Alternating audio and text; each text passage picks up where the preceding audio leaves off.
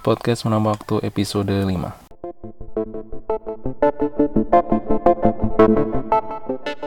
Assalamualaikum, halo semuanya, selamat datang kembali di podcast Meramu Waktu Sebuah siniar berbahasa Indonesia yang bercerita tentang teknologi, ekonomi, sepak bola, dan kehidupan keluarga urban saya Langit dan tentu saja kalian bisa menikmati siniar ini di beberapa saluran seperti di SoundCloud, di Spotify, Anchor, Google Podcast, dan yang lain ya. Dan di episode ini, episode 5, ini ternyata episode pertama di tahun 2019 ya. Memang udah beberapa bulan nggak upload dan ketika ngomongin tahun 2019 maka yang ada di otak kita langsung pemilu ya kan? Langsung politik gitu kan? Bukannya apa-apa ya? Ya memang tahun-tahun kayak gitu tahun politik lah istilahnya orang-orang kan? Itu mungkin kita semua ya enak lah istilahnya. Mulai bosan jenuh dengan hal-hal politis di berbagai media. Baik media yang sifatnya elektronik TV radio gitu-gitu koran maupun di media sosial yang yang gimana ya? Ya mungkin bisa aja bikin keenakan itu mungkin keenakan itu bisa membuat kewarasan kita dipertanyakan loh serius. Nah makanya di episode ini sih saya ingin membahas bagaimana kita lebih waras di media sosial. Hahaha. Jadi kenapa ngomongin kewarasan gini sih bukan menjustifikasi ya. Tapi memang belakangan ini ketika kita main media sosial alias Facebookan, Twitteran gitu bukannya seneng tapi kadang malah pusing gitu. Mungkin saya sih uh, ngalaminya perbedaannya tuh mulai ketika di tahun 2014 gitu. 2014 ke sini tuh udah nggak seru lagi gitu main media sosial. Dan mungkin bukan saya aja mungkin kalian juga ngalami juga gitu bayangin aja ya misalnya uh, kalian lagi scrolling gitu. Eh tahu-tahu ada postingan fansnya paslon A. Terus scrolling lagi tuh set set set. Eh ada postingan juga tapi dari hard fansnya salon B. Nah masalahnya gini hmm, yang namanya musim kampanye gitu ya yang namanya musim kampanye kan setiap fans itu memuja jagoannya itu berlebihan gitu. Dan nyerang musuhnya itu kadang nggak mutu nggak mutu. Kenapa ya? Ya personal terus apa ya? Ya sebel aja sih nggak ngeritik program gitu. Mungkin sebagai bandingan gini seperti yang saya bilang tadi. Coba bayangin deh bagaimana ketika kita main mm, medsos beberapa tahun yang lalu mungkin 10 tahun yang lalu. 2008 2007 2009 gitulah ketika kita Facebookan 10 tahun yang lalu itu isinya kan lucu-lucuan gitu kan. Yang galau ya galau yang lucu ya lucu yang alim ya alim gitu. Jadi isinya ya kalau nggak ilmu ya lucu gitu. Ya mungkin sebenarnya kan memang hitoh cil hitoh. Mungkin memang dari sononya kayak Facebook Twitter kan apa ya? Ya memang isinya tuh nge-share bagaimana hidup kita lah gampangnya kan kayak gitu. Bahkan di Facebook itu kalau kalian uh, buka home-nya kan Facebook helps you connect with and share with the people in your life. Kan tagline-nya gitu. Isinya berkabar ya pembagi kabar gitu ya. Di sini saya pengen bedain sih uh, bedanya kabar dan berita. Ini menurut saya loh ya. Jadi kabar itu sifatnya itu lebih pada informasi yang sifatnya apa ya pribadi lah urusannya itu nggak urusan orang banyak gitu. Nah kalau berita sebaliknya uh, merujuk ke penyampaian informasi yang yang apa ya yang urusannya itu urusan orang banyak gitu menyangkut kepentingan umum lah uh, versi saya ya. Dan yang lebih seru lagi adanya medsos terus internet terus smartphone itu kan membuat semacam revolusi kali ya. Revolusi ya apa ya uh, mungkin bisa dibilang sebagai pergeseran fungsi dari medsos sendiri mungkin loh ya. Dan uh, revolusi ini cile revolusi. Ya biar kayak revolusi industri 4.0 lah. Revolusi tadi itu uh, bakal nyambung ke kabar dan berita tadi gitu jadi dengan adanya revolusi internet, adanya smartphone, adanya media sosial itu kan manusia semakin sadar informasi kan istilahnya gitu. Kalau dulu zaman dulu ketika hanya ada koran, hanya ada majalah, hanya ada TV, radio itu kan istilahnya kita masih pasrah bongkoan kalau orang Jawa bilang kayak gitu. Kita pasrah aja sama informasi yang disediakan media-media konvensional itu jadi pasif aja kita nah sekarang opsi untuk menjadi aktif itu terbuka dan tanpa sadar siapa saja itu sekarang bisa memproduksi beritanya sendiri beritanya sendiri ya pakai tanda kutip. Berita yang kemudian disebarluaskan ke publik luas. Nah masalahnya masalahnya apa? Masalahnya berita yang diproduksi tadi belum tentu memenuhi kaidah-kaidah atau tata krama jurnalisme lah. Anggap saja kayak gitu. Apalagi ya? Kok jadi itu? Oke lah nggak apa-apa lanjut lagi jadi masyarakat tadi yang istilahnya baru aja kan baru aja kita hidup dalam keterbatasan sih kayak apa aja uh, hidup dalam keterbatasan informasi hanya pasrah terhadap informasi yang diberikan media konvensional. Nah sekarang pembatasan itu itu mulai apa ya mulai berkebalikan gitu. Sekarang kan dengan adanya, adanya internet kan kita bisa memperoleh apa yang kita inginkan kan? Kita bisa cari informasi apa aja yang kita inginkan. Meskipun sekali lagi meskipun uh, kebenarannya mungkin diragukan gitu. Ini uh, saya juga bukan orang media loh ya. Cuma memang ya itulah. Kadang kita uh, bisa jadi kita salah mencari sumber berita gitu. Maksudnya kayak gitu. Nah Kenapa begitu? Kenapa kenapa kebenarannya mungkin diragukan? Ya karena keleluasaan internet ini kan memungkinkan siapa saja kan untuk memproduksi sama menyebarkan berita kan. Jadi istilahnya nggak ada kontrol lagi gitu. Nggak perlu lembaga sensor. Apalagi kita di Indonesia loh ya. Indonesia kan demokratis banget. Kita nggak terkungkung gitu kayak di Cina gitu kan. Di Cina kan sensornya lebih lebih lebih lagi gitu. Sementara di Indonesia uh, ya lebih bebas lah. Dan ketika kita bilang demokrasi gitu ketika kita kaitkan dengan demokrasi maka demokrasi itu seolah ya seiring sejalan dengan kebebasan. Kok jadi serius banget ya? Gini gini. Balik lagi deh. Tadi kan kita ngomongin kewarasan ya ketika ngomongin kewarasan itu sebenarnya juga ngomongin tentang kebenaran dan saya rasa saya hmm, kalian juga pernah nge-share sesuatu lah di medsos atau di grup baik itu WhatsApp, Line, grup chatting kayak gitu. Nah, coba kita muhasabah, sih muhasabah. Coba kita introspeksi lagi. Hmm, bagaimana kebenaran yang kita share gitu. Nah, di sini kita bisa sedikit padu padankan dengan teori-teori jurnalistik ya. Misalnya ini, misal ketika kita share berita itu, coba kita introspeksi lagi lah. Apakah berita itu diperoleh dari narasumber yang terpercaya? Itu yang pertama kan. Dan narasumber itu kan beda-beda ya. Ada yang narasumber primer. Nah, ini narasumber yang langsung melihat kejadian gitu, yang memang di situ di TKP terus ada juga narasumber sekunder yang ya ini biasanya narasumber sekunder ini dari pihak-pihak berwajib lah dari yang punya otoritas gitu. Dan yang terakhir juga ada juga narasumber tersier. Nah yang tersier ini sifatnya lebih ke analis pengamat gitu. Jadi orang-orang yang kompeten lah. Nah itu baru tingkatan narasumber ya ada primer sekunder tersier. Nah terus coba deh ketika berita itu kita juga padu padankan dengan uh, ilmu di hadis Cie, serius banget. Ya, gini deh.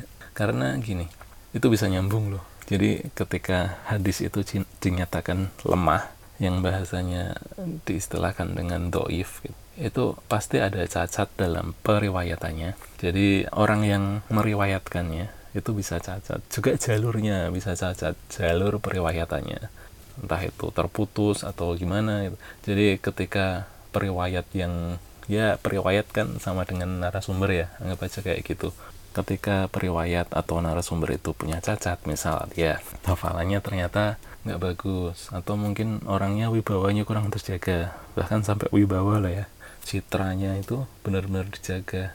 Sementara eh, citranya jelek terus hafalannya nggak bagus nah itu bisa membuat si hadis itu doif kemudian ketika bicara tentang jalur periwayatan maka yang ya yang yang dibahas adalah apakah misalnya nih hadis ini dari A kepada B, B kepada C, C kepada D gitu. Nah, nanti dicatat tuh eh dicatat, dipelajari tuh apakah si A ini beneran hidup sezaman dengan B, apakah mereka pernah bertemu gitu-gitulah. secara umum jadi kayak tausiah ya jadi itu coba deh kita renungi lagi kita muhasabah lagi? Cie biar kayak tausiah apakah berita yang kita share itu atau berita yang kita posting itu adalah sebuah berita yang layak kita sebut sebagai berita yang benar?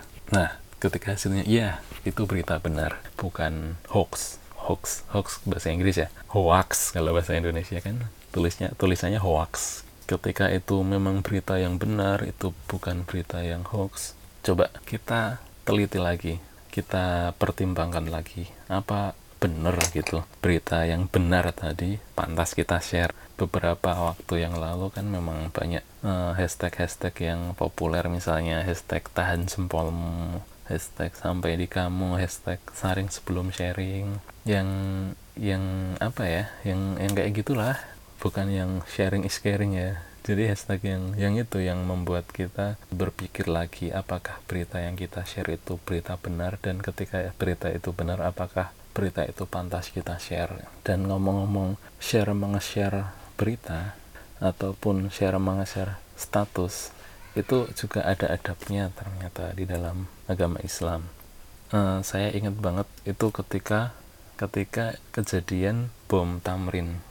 Banyak banget podcast yang nggak jelas ketika itu dan masalahnya ketika itu saya juga kebetulan lagi ngantor dan kantornya di sekitar situ kan ya bisa menimbulkan ah, apa ya kepanikan lah sebenarnya dan ayatnya cie kita kayak tahu sih ya beneran deh hari ini deh وإذا جاءهم أمر من الأمن أو الخوف أذاعوا به ولو ردوه إلى الرسول وإلى أولي الأمر منهم لعلمه الذين يستنبطونه منهم ولولا فضل الله عليكم ورحمته لاتبعتم الشيطان إلا قليلا Dan apabila datang kepada mereka suatu berita tentang keamanan ataupun ketakutan, mereka lalu menyiarkannya.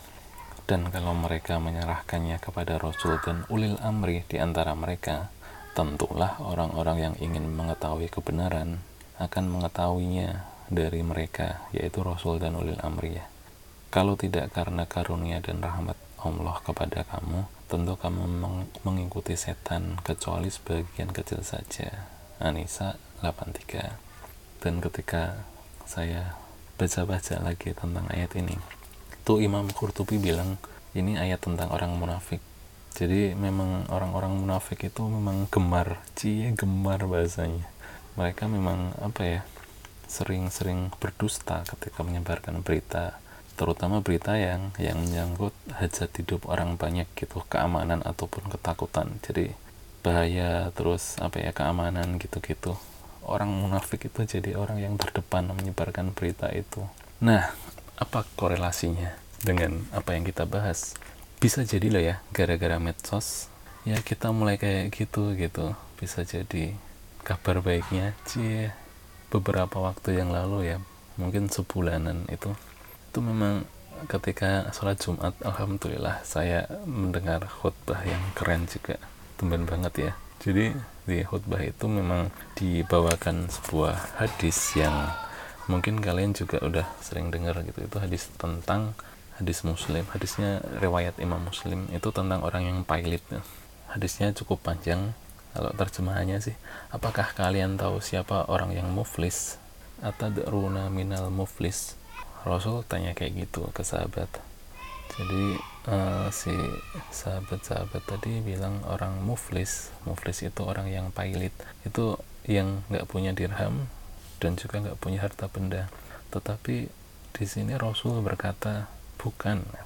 Rasul SAW eh, sesungguhnya orang yang muflis yaitu orang yang pailit dari umatku adalah setiap orang yang datang pada hari kiamat dengan membawa pahala sholat, puasa, dan zakat namun ia juga datang membawa dosa kezoliman. Dia pernah mencerca si ini, menuduh tanpa bukti si itu, memakan harta si anu, menumpahkan darah orang ini, memukul orang itu, maka sebagai tebusan atas kezolimannya itu, diberikanlah di antara kebaikannya kepada orang-orang tadi, orang-orang si ini, si anu, si itu, itu Hingga apabila kebaikannya telah habis dibagi-bagi kepada orang yang didoliminya, sementara belum semua kedoliman tertebus, diambillah kesalahan atau kejelekan yang dimiliki orang yang didoliminya itu lalu ditimpakan kepadanya. Kemudian dia dicampakkan ke dalam neraka gitu. Jadi bayangin aja, masa iya gitu ketika kita udah capek-capek sholat, puasa, zakat gitu. Sementara di sisi lain kita juga sering nge-tweet jelekin paslon A anggap aja gitu. Atau paslon B menyerang membabi buta pendukung-pendukung paslon A menyerang membabi buta paslon B gitu. Yang apa ya yang itu cuma cuma pilpres doang gitu. Kalau saya lah ya itu cuma pilpres doang yang itu bisa membuat kita kehilangan kehilangan amal kita belum lagi kehilangan persaudaraan kita, pertemanan kita gitu. Dan saya ingat seorang kawan itu pernah posting gini di Facebook, pro atau kontra terhadap capres-cawapres tertentu, sedikit banyak pasti berbalur dosa di dalamnya. Cuma gara-gara sosmed, ada dosa gibah, dosa mencela sama muslim, dosa share artikel yang nggak jelas juntrungannya, dosa jidal dengan sesama penggila pepesan kosong, jidal itu debat kusir gak jelas gitu. Dosa memprovokasi dan banyak sekali. Misal nih tanpa sosmed mungkin dosa seseorang itu cuma 10 tapi gara-gara sosmed dosanya dia jadi berlipat ganda. Ratusan ribuan bahkan lebih. Wallahu alam. Statusnya kayak gitu bener kan? Coba bisa aja dia tanpa sosmed. Memang kita ketika kita ngomongin capres A ya udah yang tahu kan? Antara orang yang diajak bicara doang ya. Tapi dengan adanya sosmed eh media sosial maksudnya biar Indonesia dengan adanya uh, medsos kan semua orang tahu kan? Semua orang semua follower kita tahu. Dan itu ketika itu apa ya ketika itu dosa ya makanya dosanya semuanya tahu itu berlipat ganda banget kan jadi gini balik lagi sebelum kita share sebelum kita posting ingat lagi deh yang tadi Uh, pertama, apa iya itu berita benar? Oke, iya ini berita benar. Kalau itu berita benar, coba ingat lagi, apakah benar? Eh, apakah benar? Apakah layak ini di share, ini di posting? Jika jika aja, jika dua hal itu bisa kita lakukan ya, insya Allah nih, insya Allah semoga uh, medsos kita bisa kembali normal lagi. Mungkin implikasinya kita waras lagi lah. Saya tuh pernah loh sampai males medsosan itu paling sekarang cuma Instagram doang ya yang lebih yang sering. Twitter juga gara-gara itu aja sih. Pengaturan skor itu aja. Sama tulisan-tulisan sepak bola aja yang saya baca itu aja deh kayaknya semoga kita dilindungi Allah dari kebangkrutan dunia akhirat mohon maaf kalau misalnya ini kayak tausiah tapi bukan ini cuma senior yang nggak jelas yang biasanya cerita teknologi, ekonomi, sepak bola, dan kehidupan keluarga urban. Tapi medsos bagian dari teknologi ya. Hahaha. dan pada akhirnya gini, ini terkait media-media yang ada ya, termasuk media sosial. Jadi pada akhirnya di tengah kebebasan media ini, termasuk media sosial, pada akhirnya itu ada wartawan yang berpijak pada prosedur jurnalistik yang benar, ada redaktur yang bersih dari agenda kepentingan politik tertentu, dan juga ada konsumen kita sendiri yang harus lebih cerdas dan berdaya. Dan pada akhirnya setiap orang memainkan perannya masing-masing dan setiap orang itu bertanggung jawab uh, pada perannya itu gitu.